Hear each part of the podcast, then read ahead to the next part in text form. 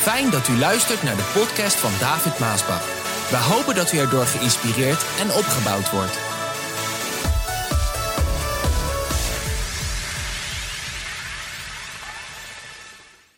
De handelingen van de apostelen en we spreken vandaag over de eerste martelaar.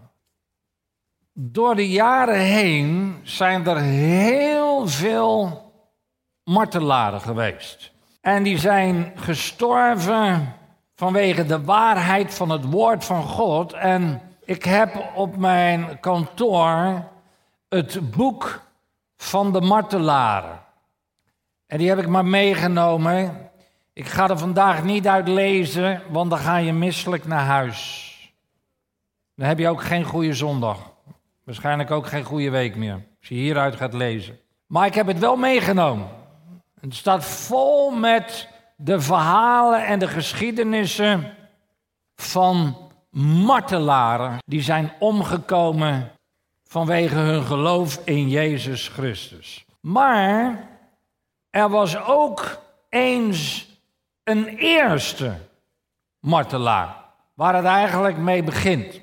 We lezen in Handelingen 6, de kerk was net ontstaan, de kerk van Jezus Christus, net ontstaan. Heel wat eerste dingen al gebeurd. En dan lezen we Stefanus was vol van geloof en de kracht van God. En hij deed grote wonderen en buitengewone dingen onder het volk. Maar er waren mensen die vonden dat hij daarmee niet mocht doorgaan. En ze hoorden bij de synagoge van de zogenaamde Libertijnen uit Cyrene, Alexandrië, Sicilië en Azië. En ze begonnen met hem te discussiëren, met Stefanus. En probeerden hem te overtroeven, maar dat lukte niet. Hij was hen ver uit de baas. Door de grote overtuiging en de scherpzinnigheid waarmee hij sprak. Het was duidelijk dat Gods geest hem leidde. Hoor je dat? Vandaar dat het zo belangrijk is dat de kerk, Gods kinderen vervuld zijn met de Heilige Geest, gedoopt zijn in de Heilige Geest. Want het was de Geest Gods die hem die scherpzinnigheid gaf. En de wijsheid en de inzicht. De geest doorziet de harten. En hij wist wat, ze moest, wat hij moest antwoorden. En hij was hun dus de baas. En toen strookten zij een paar mannen op het praatje rond te strooien dat zij Stefanus slechte dingen over Mozes en God hadden horen zeggen. Dat zullen we altijd meemaken. Leugenaars die anderen opzetten. En daarmee zetten ze het volk en de leiders en de Bijbelgeleerden tegen hem op. En ze gingen naar hem toe en grepen hem vast en brachten hem voor de Hoge Raad. En ze lieten ook enkele valse getuigen komen die allerlei beschuldigingen tegen hem inbrachten. Deze man valt de heilige tempel en de wet aan. En we hebben hem horen zeggen dat die Jezus van Nazareth de tempel zal afbreken en de oude gebruiken zal veranderen. De gebruiken die Mozes ons heeft gegeven. En terwijl de mannen van de Hoge Raad Stefanus onderzoekend aankeken, zagen zij dat zijn gezicht leek op dat van een engel. Hij straalde de liefde, de heerlijkheid van de Heer Jezus uit. En hij leek op een engel. Handelingen 7. En toen de Joden in de rechtszaal dat hoorden, waren zij diep gegriefd en knarsetanden zij van woede.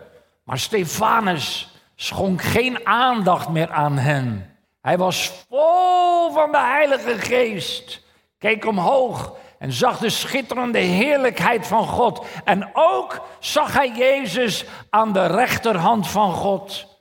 En hij riep uit, ik kan de hemel zien. Ik zie de mensen zo naar de rechterhand van God. De Joden konden zich niet langer inhouden en schreeuwden van woede. En ze stopten hun vingers in de oren en stormden allemaal tegelijk op hem af. En ze sleurden hem de stad uit om hem te stenigen. En de getuigen trokken hun mantels uit en legden die neer bij een toeschouwer, een jonge man die Saulus heette. En terwijl de stenen hem troffen, bad Stefanus, Heer Jezus, neem mijn geest bij u. En hij viel op zijn knieën en riep, Heere, reken hun dit kwaad niet toe. En met deze woorden op de lippen stierf hij. Dat was de eerste keer dat daar iemand stierf. Vanwege zijn geloof en zijn getuigenis. Geloof in Jezus en getuigenis over Jezus.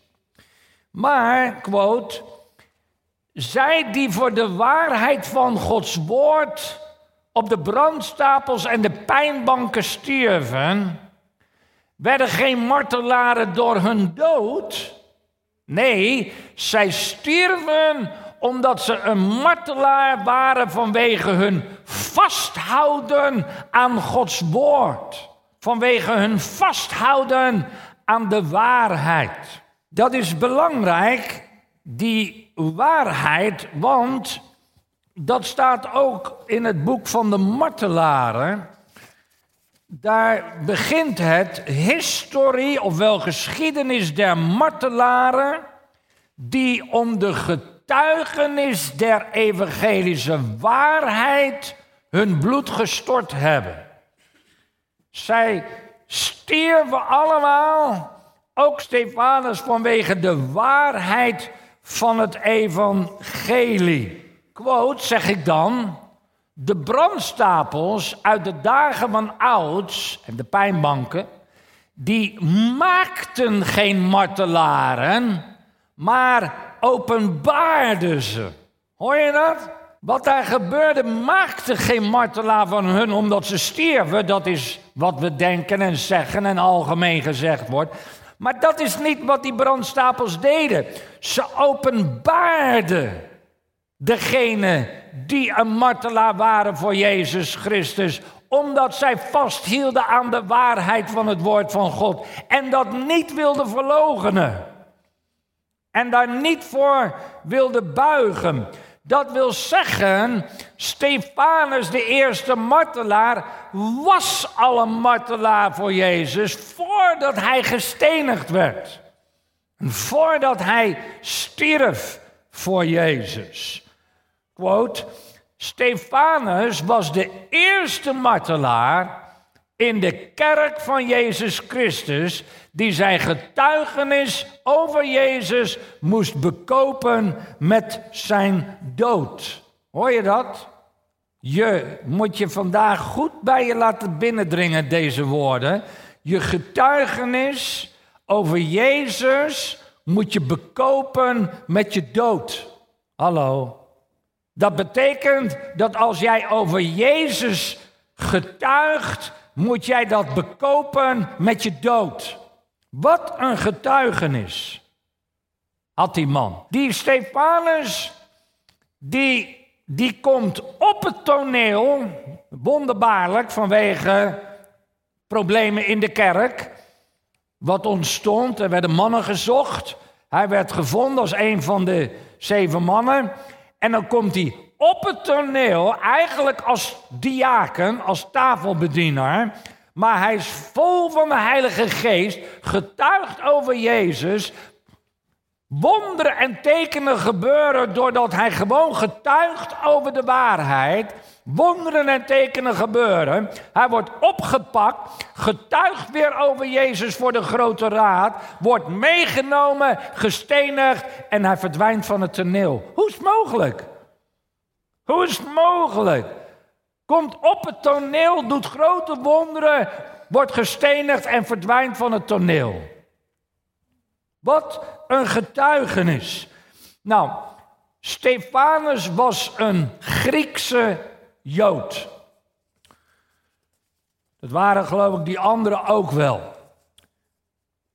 Stefanus betekent krans of kroon. Dat zocht ik op op het internet. Wat betekent Stefanus eigenlijk? Het is altijd wel mooi om te weten wat er achter een naam zit. Stefanus betekent krans of kroon. Dan staat daarbij vooral als de prijs als de prijs voor de overwinnaar in wedstrijden. Dus een kroon die je krijgt als overwinnaar in wedstrijden. Als ik dan aan Stefanus denk en ik denk hoe hij gestorven is, in wat voor wedstrijd, wat had die man dan eigenlijk een profetische naam? Wonderbaarlijk, trouwens, velen hebben dat. Hebben ook namen van echte heren gekregen. John Henry ook, weet ik. De Heer gaf dat in mijn hart. Wist hoe ik hem noemen moest. En zo was het ook met Stefanus. Wat een profetische naam. Ik denk toen mama hem die naam gaf en die kleine baby in haar handen had, Stefanus, nog als kleine baby. En ze noemde hem Stefanus, ofwel kroon. Kroon, vooral voor degene die overwint in wedstrijden. Ik kan mij niet voorstellen dat er iets door haar heen ging wat haar heeft doen denken dat haar kleine kind ooit de kroon zou krijgen als eerste martelaar. Ik denk dat zij een hele andere weg en wedstrijd voor haar kind voor ogen had, waarop hij de overwinnaarskroon zou krijgen. En laten we eerlijk zijn, welke vader en moeder niet? Als je een baby in je handen krijgt. Wat hier gebeurde, lieve mensen, was de eerste confrontatie. Ik kan bijna eigenlijk zeggen frontale botsing, confrontatie tussen de wereld en de kerk. Waarbij iemand die in Jezus gelooft en van Jezus getuigt, gedood werd. Gewoonweg omdat hij in Jezus gelooft en van Jezus getuigt. Dat kan je vandaag in onze dagen hier niet voorstellen. Met de vrijheid die wij hier in Nederland hebben. Gewoonweg omdat je in Jezus gelooft en van Jezus getuigt. Werd deze Stefanus werd gedood. Nou, misschien zegt u, ja maar David, Jezus was ook een martelaar. Ja, dat is waar. En het boek begint daar eigenlijk ook mee, want Jezus was ook een martelaar. Maar in de lijn van de boodschap waarin wij door het boek van Handelingen wandelen, de confrontatie die plaatsvond toen Jezus als martelaar stierf aan het kruis, als een misdadiger, ook verschrikkelijk hoe ze hem hebben behandeld en gedood, echt een martelaar. Maar dat was een confrontatie tussen de wereld en tussen Jezus. Eén keer. En dat stopte daar. Dan heb je, nu ik erover heb, heb je ook nog Johannes de Doper. Johannes de Doper was ook een martelaar, want die is ook onthoofd. Omdat hij over Jezus getuigde en sprak. Maar dat was een, zeg maar een voorloper van Jezus, maar toen bestond de kerk nog niet kerk kwam pas later, nadat Jezus heen is gegaan. De Heilige Geest kwam neder. Nou, volg maar de boodschappen die we de afgelopen maanden hebben gebracht over, uh, over handelingen. Dan, dan volg je de lijn. Nu kreeg je voor het eerst de confrontatie tussen de wereld en tussen de kerk. Dat waren de volgelingen van Jezus. En dat begon en dat is nooit gestopt. Dat gaat door zelfs tot op de dag van vandaag. Misschien niet in ons Nederland, maar er zijn landen in het Midden-Oosten waar je vandaag nog steeds onthoofd wordt als je je geloof in Jezus als christen niet afzweert. Beseffen wij dat eigenlijk wel? Een,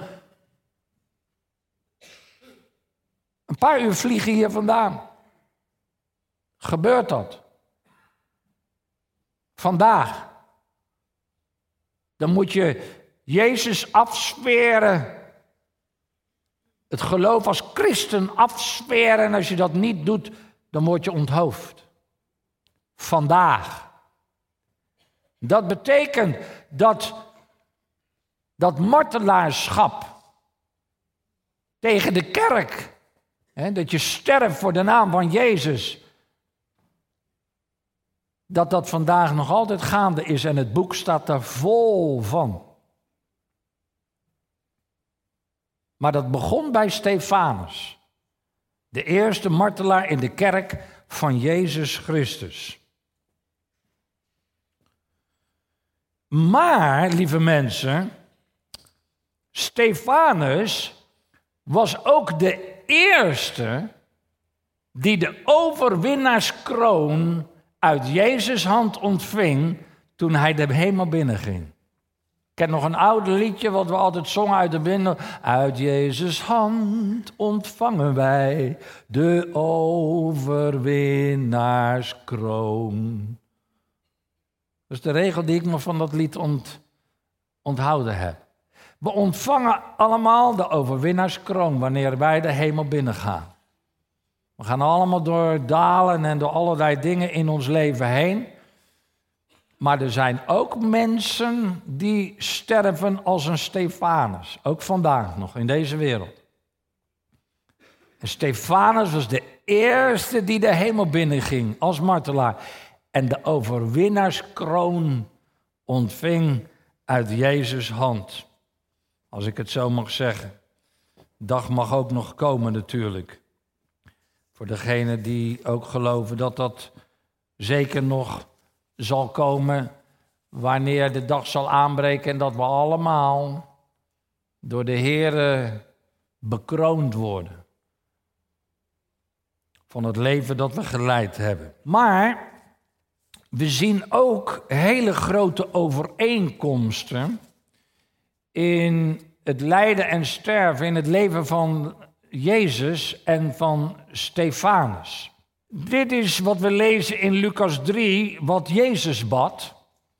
Uh, Lucas 23, wat Jezus bad toen hij stierf aan het kruis.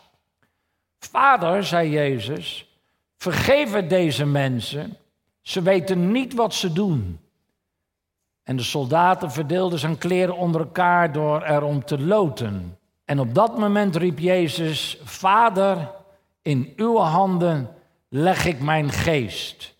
En met die woorden blies hij de laatste adem uit. Het is eigenlijk vers 34 en vers 46. Vader, vergeef het hun, bad Jezus. Want ze weten niet wat ze doen. En als Jezus dan sterft, dan zegt Jezus, in uw handen leg ik mijn geest. Kijk wat Stefanus zegt in Handelingen 7. Als hij sterft. Terwijl de stenen hem troffen, bad Stefanus, Heer Jezus, neem mijn geest tot u. En hij viel op zijn knieën en riep, Heere, reken hun dit kwaad niet toe. En met deze woorden stierf op zijn lippen. Dat zijn dezelfde woorden. Die uit dezelfde geest komen. Eerst, Heere, vergeef het. En dan, ik geef mijn leven over, mijn geest in uw handen. Het zijn dezelfde woorden. Zoals dus Jezus stierf, zo stierf ook Stefanus de eerste martelaar. martelaar. Ik vind dat zo'n harmonie in de Heilige Geest. Als je dit leest. Maar je ziet meer overeenkomsten. Quote. Je ziet overeenkomst in hun karakter. Je ziet een overeenkomst in hun getuigenis. Je ziet een overeenkomst in hun lijden en sterven. En je ziet een overeenkomst in hun overwinning. Mooi als je dit allemaal. Ja, dat, ik vind het mooi dat ik het kan uitleggen, dat ik het kan laten zien, zodat we zo door dat boek van Handelingen wandelen en deze dingen zien, hoe dat in die eerste kerk eigenlijk allemaal is gegaan en hoe wij hiervan kunnen leren. Nummer 1, karakter. Laten we kijken, het overeenkomst in hun karakter als over Stefanus handelingen 6. En ze vonden het allemaal een goed voorstel en kozen zeven mannen uit Stefanus. En dan staat er een man vol van de Heilige Geest en met groot geloof. Er staat van Stefanus een man vol van de Heilige Geest en een groot geloof. Lucas 4, vers 14 over Jezus. Daar staat, Jezus ging terug naar Galilea, vol van de kracht van de Heilige Geest. Dat is een overeenstemming die Jezus had met Stefanus. Neem de overeenkomst in hun getuigenis. Stefanus, Handelingen 6, vers 8. Stefanus was vol van geloof en de kracht van God. En hij deed grote wonderen en buitengewone dingen onder het volk. Hoor je dat? Grote wonderen deed En hij was tafelbediener. Dat vind ik zo mooi. Dat als jij hier buffet doet, uh, of plaatswijst, of garderobe doet, of schoonmaakt door de week, terwijl misschien niemand er is, of uh, bij de koffie bent, uh, halwacht doet, buiten misschien begroet, whatever. Dat zijn allemaal taken die we onder de tafelbedieners plaatsen. Dit is niet zomaar een bediening. Hallo? Als je kijkt naar Stefanus, hij was vol van de Heilige Geest. En de Heer deed wonderen en tekenen door hem. Hoeveel meer wordt er natuurlijk van de predikers geëist. Maar dat neemt niet weg dat jij als tafeldienaar, diaken of hoe je het ook noemen wil, als dienende broeder en zuster, moet jij ook vol zijn van de Heilige Geest. Vol van geloof. Dat de Heer wonderen en tekenen zelfs door jou heen kan doen. Ja, door mij? Ja. Waarom? Omdat ik vol ben van de Heilige Geest. Net als Stefanus.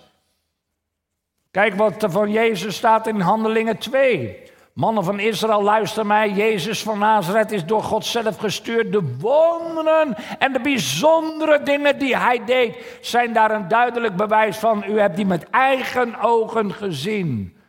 Wonderen en tekenen. Lijden en sterven, nummer drie. Lijden en sterven. Stefanus in Handelingen 7.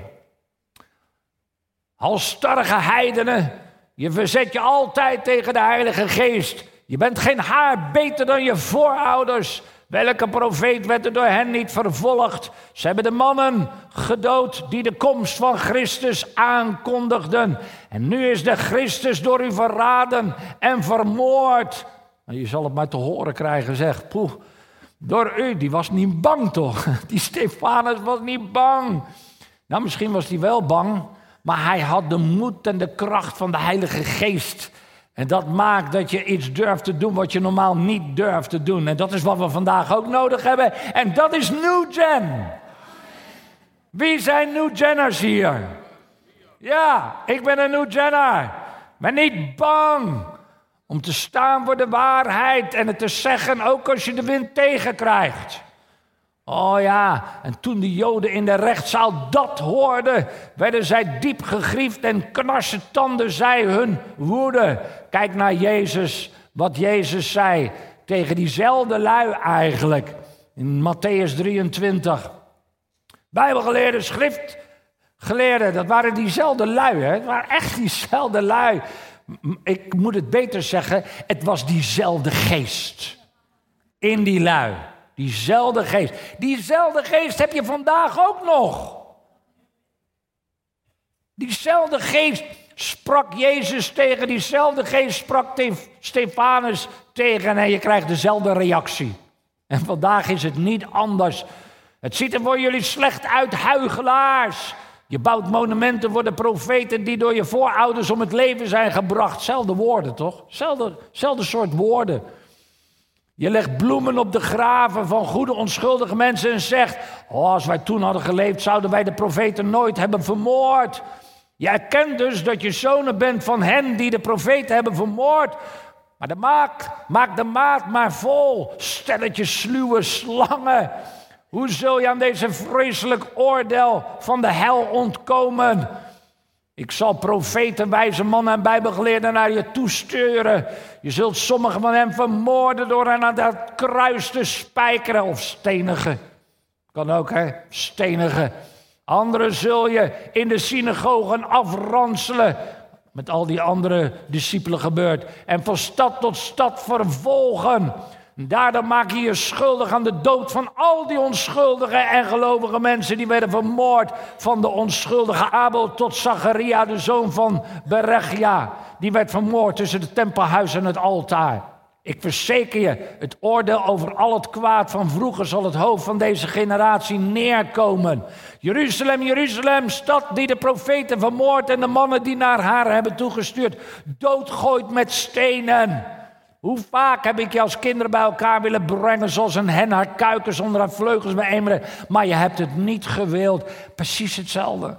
Dezelfde soort taal tegen dezelfde geest in dezelfde soort mensen.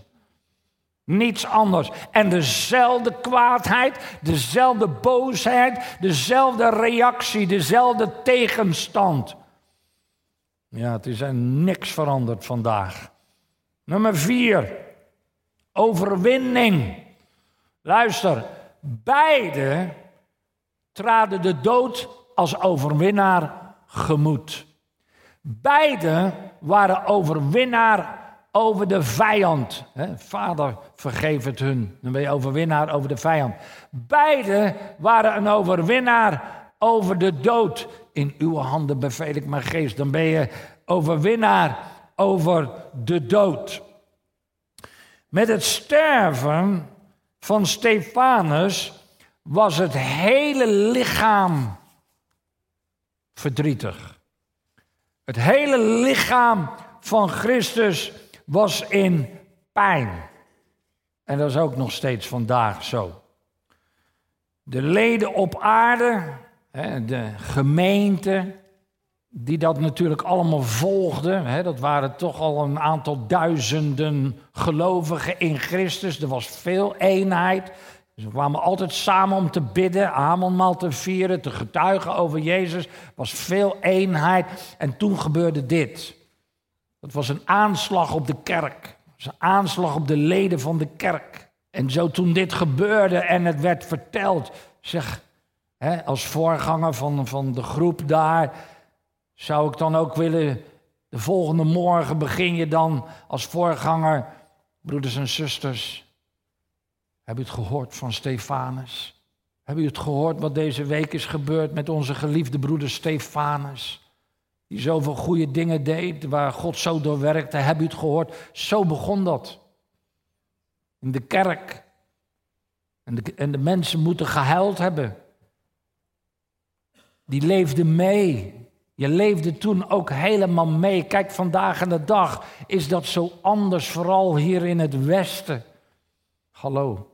Ken jij je buurman en je buurvrouw die altijd hier in de gemeente komt en misschien al jaren naast je zit of een rij verder.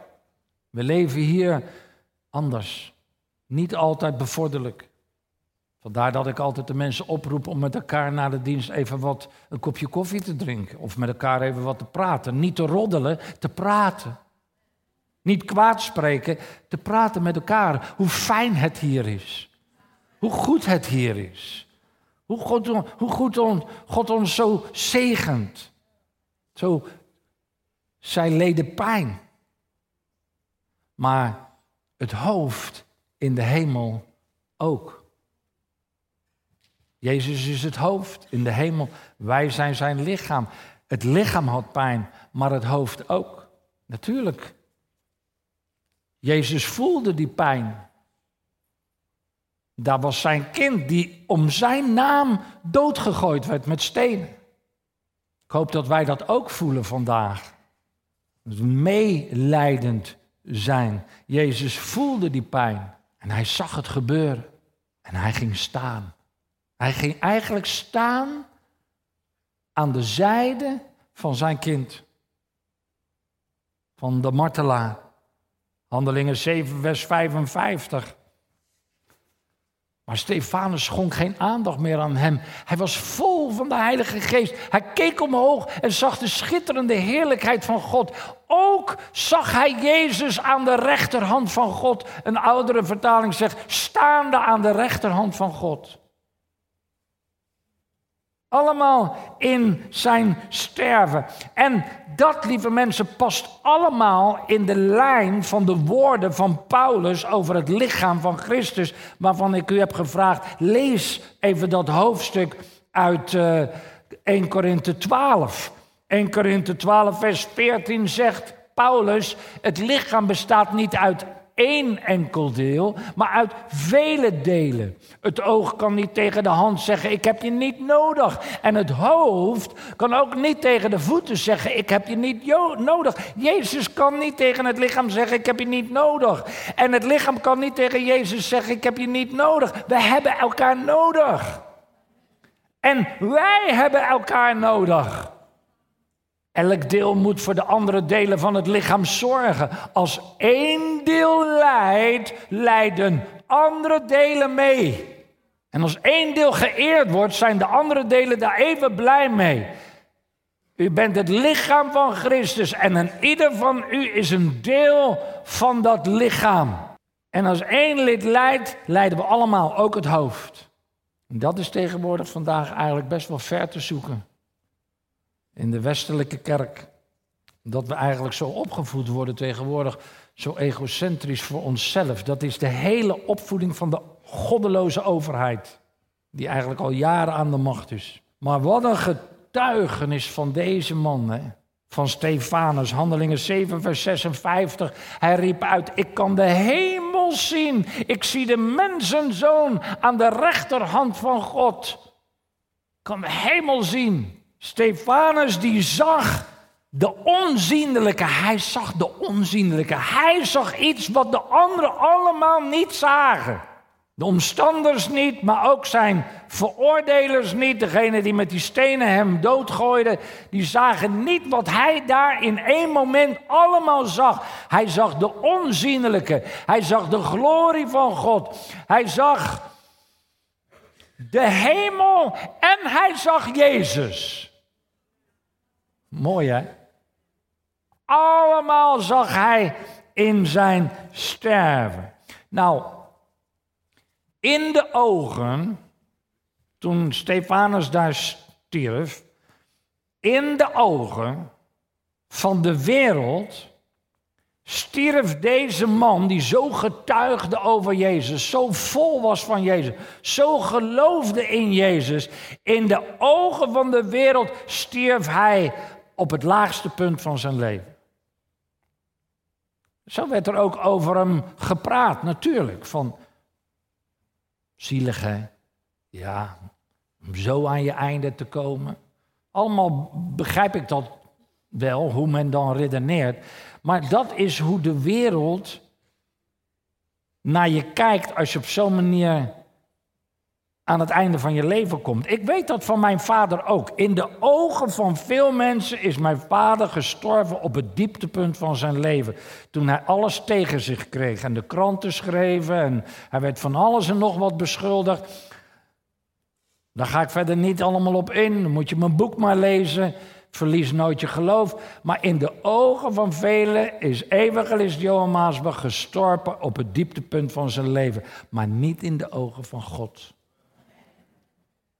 In de ogen van God stierf Stefanus op het hoogtepunt van zijn leven. Hoger kon hij niet reizen. En ik weet, in het leven van evangelist Johan Maasbach stierf hij in de ogen van God op het hoogtepunt van zijn leven toen hij zijn laatste woorden opschreef. Ik heb volbracht het werk wat de Heer mij gegeven heeft te doen. Als je dat kan zeggen en schrijven, dan ben je eigenlijk op het hoogtepunt van je leven. Dat is waar Jezus ook kwam. Jezus, precies hetzelfde. In de ogen van de wereld stierf Jezus op het dieptepunt als een misdadiger.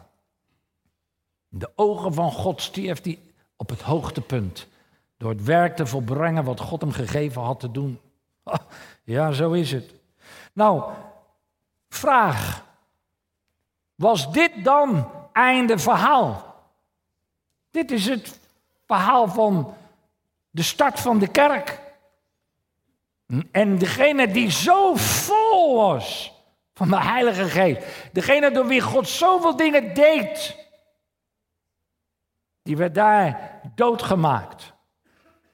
Zijn bloed moest vloeien. Hij moest zijn getuigenis bekopen met zijn dood. Was dit dan het einde? Want dat was het einde waar, waar, waarvan ik lees dan in dat hoofdstuk. Antwoord vond ik zo mooi toen ik dit vond. Ik schreef het gelijk op. Antwoord: nee, beslist niet. Dit was niet einde verhaal. Ja, de getuige is dood, maar niet de waarheid. De waarheid leeft. En de waarheid leeft vandaag nog steeds. Halleluja. In zijn sterven zaaide Stefanus het zaad van een geweldige opwekking en een grote oogst, dat wist hij zelf niet, van zielen in het hart van de man die het hardste hart had van de menigte. Dit is mooi hoor. Want dit was alleen nog maar het begin wat hier gebeurt. Deze confrontatie tussen de wereld en de kerk. Vandaag precies hetzelfde. Het is alleen nog maar het begin. Daarom zei papa altijd: het is allemaal nog maar het begin. Hij zaaide het zaad met zijn dood in het hardste hart van de man die daar in die menigte was. Was nog een jonge man, hele jonge man. In Handelingen 8. Saulus was het helemaal eens met het vonnis over Stefanus. Maar dit werd een nieuw begin. Maar dat de volgende keer.